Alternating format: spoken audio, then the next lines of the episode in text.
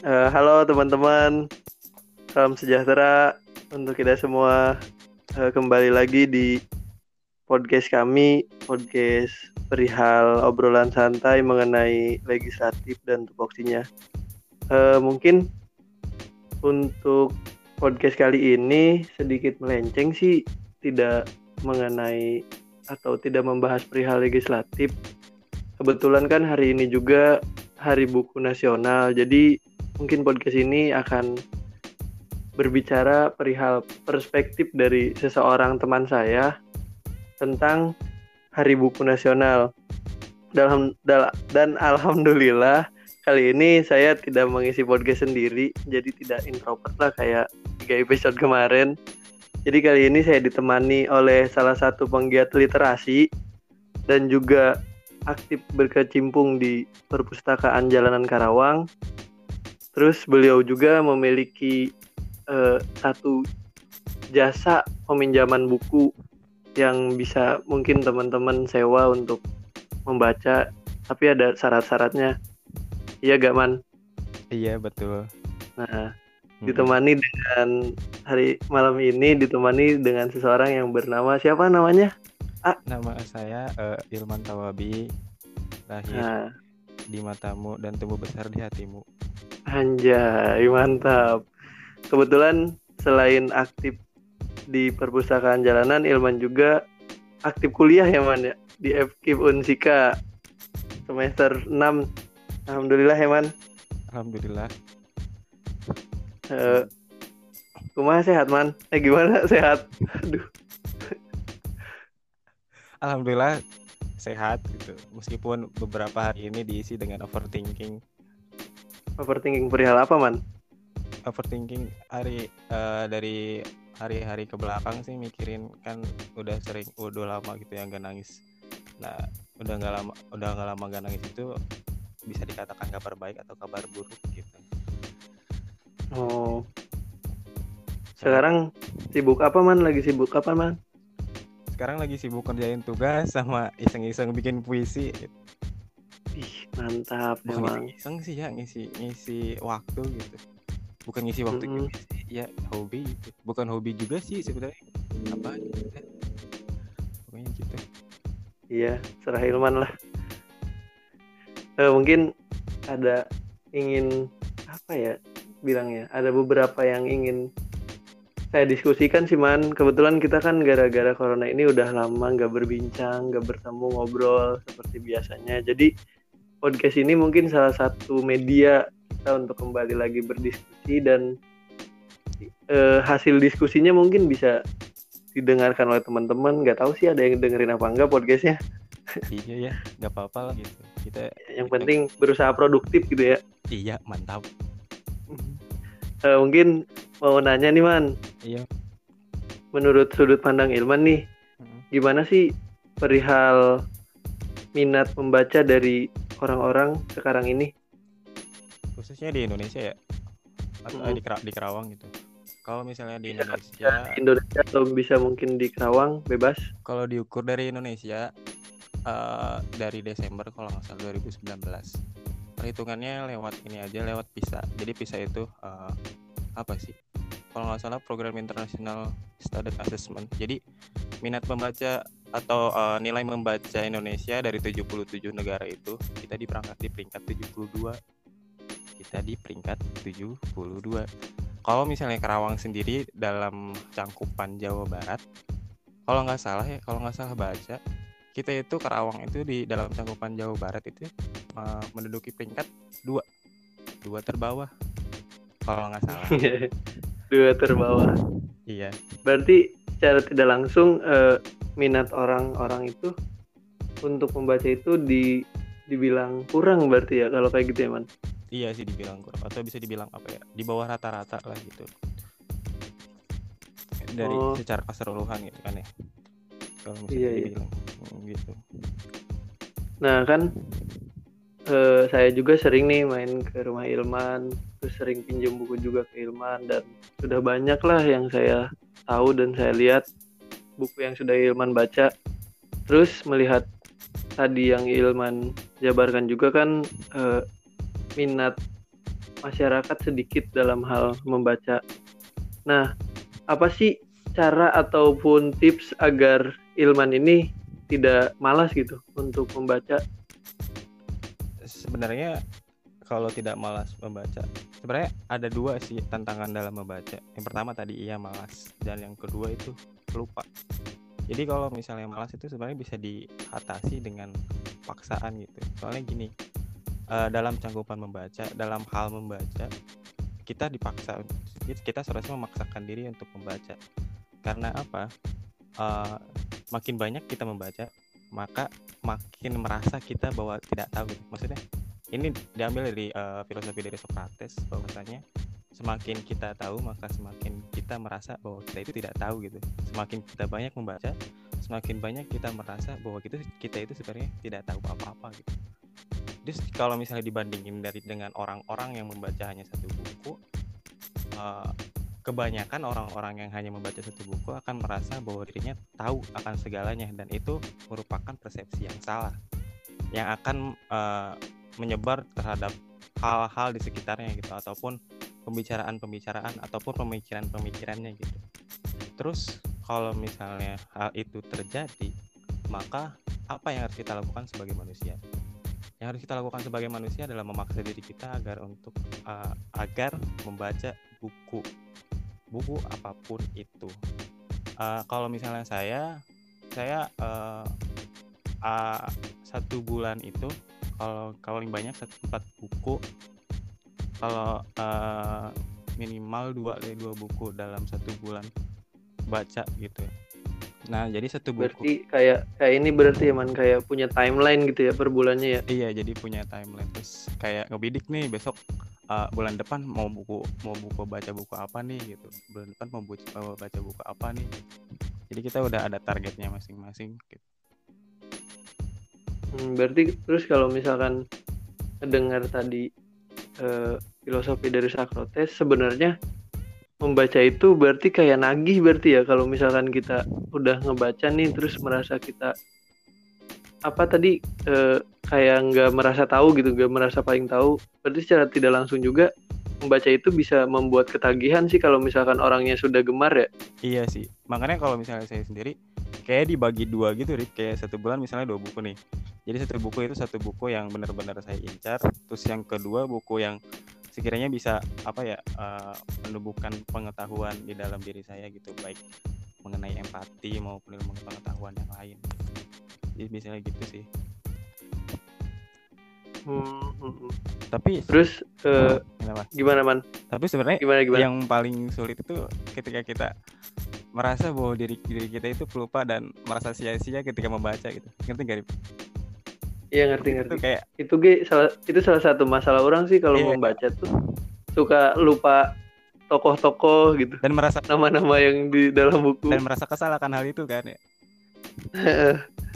Jadi gimana ya kalau misalnya untuk mensiasatinya kalau uh, Hilman sendiri sih gini sih kayak kalau misalnya emang udah merasa pelupa ya kita harus semakin rajin membaca gitu meskipun meskipun maksudnya kalau kita lupa akan satu hal setidaknya kita ingat beberapa hal yang lain. Kalau Ilman sih gitu. Berarti eh, termasuk satu buku bisa beberapa beberapa kali baca gitu ya? enggak sih. Kalau buku terus terang ada beberapa buku yang cuma ada beberapa buku yang dibaca dua kali gitu. Nggak nggak nggak banyak sih. Ini cuma beberapa buku. Oh terus ini man eh, kan seperti tadi yang di awal disebutin Ilman juga kan kebetulan aktif di uh, literasi juga kan terus di perpustakaan Jalanan Karawang. Nah paling di, mau nanya sih apa sih yang memutuskan Ilman untuk terjun aktif di perpustakaan jalanan khususnya di Karawang? Terjun aktif di perpustakaan jalanan uh, terinisiatif karena gini loh Rip. Uh, Iman tuh merasa bahwa dengan membaca buku gitu dengan membeli buku dengan mentargetkan pembacaan buku Ilman tuh merasa beruntung gitu. Karena nggak semua orang mendapatkan hak yang sama seperti apa yang Ilman lakukan. Baik uh, terhadap uh, terhadap kendala keuangan lah finansial ataupun waktu gitu. Nah, bagaimana caranya eh bagaimana eh bagaimana kemudian Ilman tercimpung dalam uh, perpustakaan jalanan. Jadi Ilman ingin membagikan keberuntungan Ilman kepada orang lain gitu.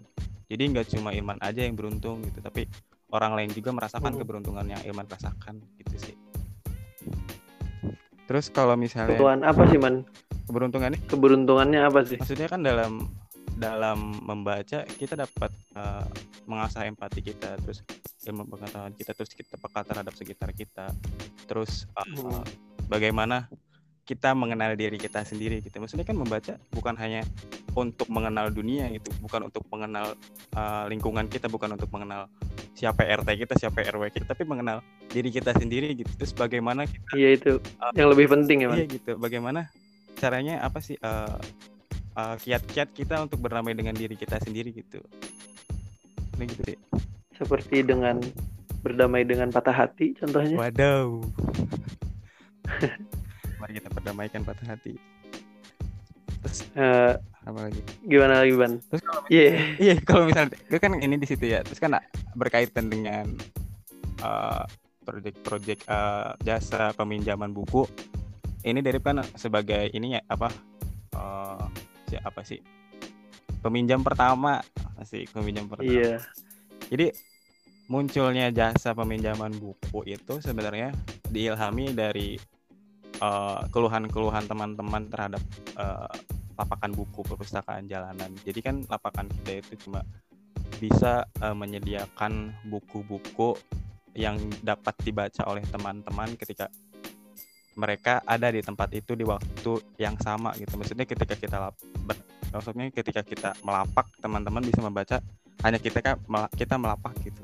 Nah, terus ada beberapa keluhan gitu. Ini ada beberapa pertanyaan ini bisa nggak dibawa pulang ini bisa nggak uh, di dibaca di rumah gitu ini bisa di, di gini gini gini gitu terus dari hmm. hal itu Ilman terpancing untuk membuat project jasa peminjaman buku gitu dari hal itu jadi dari uh, keluhan-keluhan teman-teman gitu. Jadi sebenarnya dari peminjaman buku ini juga Ilman merasa bahwa Ilman harus percaya gitu terhadap orang lain gitu. Ilman percaya bahwa orang lain dapat uh, memelihara keberuntungan Ilman dalam mendapatkan buku gitu. Mereka dapat memelihara buku-buku Ilman gitu. Itu sih sebenarnya. Meskipun ya ada tarifnya juga sih sebenarnya tarif itu sebenarnya apa ya sebagai formalitas aja sih sebenarnya sebagai ijab kabul aja sih gitu jadi gimana ya maksudnya uang itu. Tapi uh, hasilnya juga kan dibeliin buku juga kan iya. buat koleksi dan dipinjamkan lagi. Iya, buat dipinjamkan lagi gitu. Buat dana tambahan, dana suntikan. Buku-buku gitu. Soalnya Mana kerasa mana? juga sih man pas kemarin tuh yang ke perpus jalanan Tea yang ketemu Ilman pas sama teman saya cewek. Iya. Mm -mm. Pas mm. yang itu. Mm. pas pas baca buku kan di situ uh, lagi asik tapi kan keburu maghrib terus teman saya pengen pulang jadi kan kayak wah lagi seru-serunya nih gitu iya terus kepotong gitu jadi kan keuntungan juga sih dari Ilman membuka jasa buku buat saya pribadi dan mungkin orang-orang lain yang meminjamnya. Kayak itu sih man. Kalau yang orang rasain dari jasa buku jasa peminjaman buku yang Ilman adain. Iya sih. Terus ini juga man. Berarti secara tidak langsung iya. menurut Ilman seberapa penting sih eh, kita harus membaca entah itu buku pelajaran atau buku apa pun sebenarnya kalau misalnya diukur dari uh, seberapa pentingnya kita membaca sebenarnya penting penting banget sih.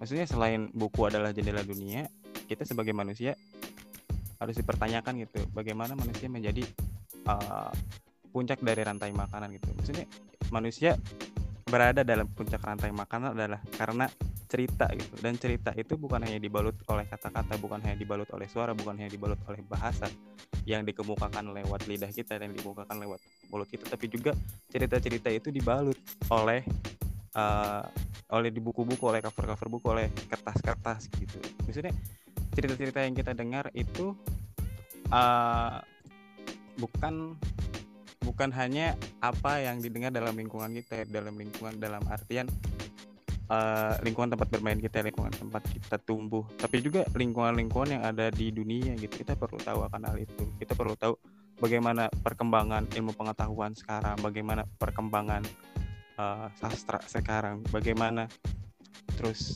uh, jati diri kita sudah ditemukan atau belum gitu. Terus bagaimana cara mensiasatinya gitu. Soalnya saya sendiri secara pribadi menemukan jati diri saya ya ketika saya membaca gitu. Makanya hmm. saya merasa bahwa uh, maksudnya membaca adalah untuk kepentingan kita sebagai manusia gitu iya sih kalau kalau misalkan yang dari perasain juga dari membaca tuh ya kita bisa berinovasi lah gitu iya, iya. jadi setiap apa yang sudah kita baca tuh jadi sebuah rangsangan sih untuk diri sendiri biar ke depannya tuh menjadi lebih baik lagi gitu. Mm-hmm. Satu lagi nih man. Iya. Yeah. Hari ini kan kebetulan nih kita sedang memperingati ya Hari Buku Nasional. Mm-hmm. Nah mau nanya sih menurut sudut pandang Ilman, mengapa sih uh, diadakannya Hari Buku Nasional? Sebenarnya kalau misalnya mengapa kan dari uh, sebenarnya kan Hari Buku Nasional itu hadir bersamaan dengan 20 tahun eh kalau nggak salah 22 atau 22 tahun hadirnya perpustakaan nasional yang diperingati yang diperingati pada tanggal 17 Mei 1980. Kemudian pada uh. tahun 2002 kalau nggak salah iya sama dengan tanggal yang sama bulan yang sama 17 Mei kalau nggak nggak tahu lupa waktu itu Kemendikbud atau siapa gitu merasakan bahwa 17 Mei 2002 2002 dan seterusnya adalah memperingati akan adanya bacaan apa sih Hari Buku Nasional gitu ya. Terus hmm. kalau misalnya ini sih nah, sebagai pertanyaan ini sih kayak bagaimana bagaimana caranya kita memperingatinya ya? Maksudnya bagaimana caranya kita memperingati apa sih uh, uh, apa sih uh, memperingati esensi ya? Iya hari hari hari buku nasional gitu kan. Terus kalau misalnya Ilman sendiri gini Rif kalau misalnya bagaimana cara memperingatinya gitu? Kalau misalnya dari diri Ilman sendiri gini ter, uh, kalau misalnya dilihat dari bagaimana skor visa kita bagaimana urutan visa kita yang 72 hmm. dari dari 77 terus bagaimana penempatan Karawang dalam minat baca di Jawa Barat Iman merasa bahwa bagaimana cara memperingatinya adalah dengan cara bukan berapa banyak buku yang kita baca, bukan berapa banyak uh, apa sih buku-buku favorit kita apa aja dari di top list gitu kan 1 sampai 5, tapi buku apa saja sih yang belum kita baca gitu. Buku apa saja sih yang pengen kita baca, buku apa saja sih yang udah kita baca tapi nggak sampai selesai gitu. Nah dari hal itu kita bisa untuk mengevaluasi diri kita gitu. Maksudnya uh, kenapa kita butuh buku, butuh buku ini gitu kenapa kita harus mempunyai buku ini kenapa kita harus membaca buku ini terus kenapa kita tidak selesai membaca buku ini gitu nah dari itu kita mengevaluasi itu mengevaluasi terhadap bahan bacaan kita mengevaluasi terhadap apa sih yang sudah kita baca gitu. Apa sih yang belum kita baca apa sih yang belum kita ketahui dan ingin kita ketahui gitu. Dari situ timbullah evaluasi-evaluasi yang kemudian mengilhami bagaimana ke depannya kita pola pikir kita akan terbentuk. Terus itu juga akan menumbuhkan bagaimana uh, pola dari minat kita juga iya, ya. tindak kita juga. gitu. Sebenarnya gitu sih bisa bisa menambah minat membaca juga sih ya kalau misalkan kayak gitu mm -hmm. kalau punya target misalkan bulan ini harus buku baca buku ini baca ini mm -hmm. jadi bisa merangsang kita lah untuk meningkatkan ini baca buku. buku gitu. Satu lagi sih man terakhir yeah, man. Yeah, okay, Maaf nih yang tadi yang tadi bukan terakhir nih. Iya. Ini yang terakhir. Yeah. Uh, tadi kan Ilman uh, aktif di perpustakaan Jalan Karawang. Nah, yeah. terus yang Ilman jabarin juga kan Karawang tadi urutannya dua terbawah ya di Jawa Barat. Yeah. Adakah sih tindakan pemerintah Pemda untuk meningkatkan minat literasi atau membaca untuk warganya secara tidak langsung sih kan kalau menurut sudut pandang orang ya mm-hmm. eh menurut sudut pandang saya sudut pandang aing. adanya ya yeah, adanya perpustakaan jalanan Karawang sih sebagai refleksi bahwa kayak pemerintah tuh kurang menyediakan tempat untuk membaca sih kalau menurut orang buat masyarakat. Makanya adanya mungkin perpustakaan Jalan Karawang. Kalau menurut Ilman sendiri bagaimana, Man? Kalau misalnya menurut Ilman sendiri di ini aja sih kayak kayak kita sebenarnya untuk warga Karawang sendiri bahkan tidak tahu loh maksudnya kebanyakan tidak tidak tahu di mana perpusda itu berada gitu perpustakaan daerah Karawang di mana gitu? Nah iya. Kita sama kita perihal itu aja kita kayak di mana sih? Gitu. Kita kayak nanya emang di mana? Emang ada? Gitu kan. Dari situ aja kayak nggak ada sosialisasi dari pemerintah untuk serius membenahi bagaimana cara masyarakat Karawang itu ikut ambil dalam peningkatan minat baca gitu. Nggak ada. Maksudnya untuk sosialisasi ini begini meskipun ada sebagian kayak kolecer gitu. Kolecer di Karawang ada di Taman Milenial di bawah ini apa flyover bypass itu ada itu setiap hmm. dan terhadap ada beberapa bahan bacaan untuk uh, anak-anak sampai dewasa di situ. Terus kalau misalnya dari perpustakaan jalanan sendiri kayaknya nggak ada kayak semacam suntikan semangat atau suntikan apalagi suntikan dana ya dari pemerintah daerah gitu nggak ada sama sekali sih kayak emang sih kita tuh kayak emang apa sih kota industri sih ya bukan kota membaca kayaknya atau gimana gitu. Kita kayak iya. kayak jadi lebih mementingkan pendapatan daerah daripada ini. Kayaknya. Kayaknya sih. Karawang Karawang tapi apakah tapi gimana gitu uh, ini man. Kira-kira pemerintah tahu nggak dengan adanya perpustakaan jalanan di Kabupaten Karawang bagaimana Iya kira-kira pemerintah pemerintah kota khususnya Kabupaten Karawang yeah. tahu nggak sih eh, adanya perpustakaan jalanan Karawang gitu? Tahu sih karena mungkin tahu ya atau mungkin pura pura-pura tidak tahu atau nggak tahu. Nah Jadi itu kan pura-pura tidak tahu. Beberapa media juga kan pernah mengangkat perpustakaan jalanan Karawang kayak kalau nggak salah uh, apa ya kompas.com bukan kompas atau apa gitu lupa. Terus dari radar Karawang juga pernah gitu kemarin-kemarin sih.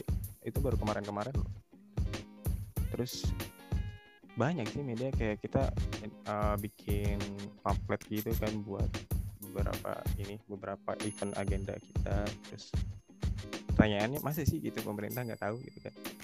Masa sih? Apa hmm, sih. Apa apakah kalau misalnya kalau misalnya ditanya pemerintah nggak tahu kenapa nggak tahu gitu apakah mereka memang tidak peduli itu terhadap minat membaca dari Karawang itu sendiri kota Karawang itu sendiri kan gitu kan. Agak bingung juga. Ya. betul betul. Gitu kan.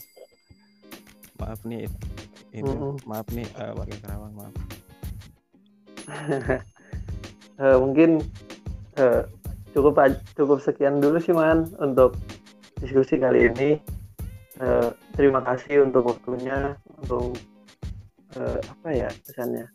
Menyempatkan waktu lah gitu untuk berbincang di tengah kondisi seperti ini dan di tengah banyaknya tugas di kuliah online.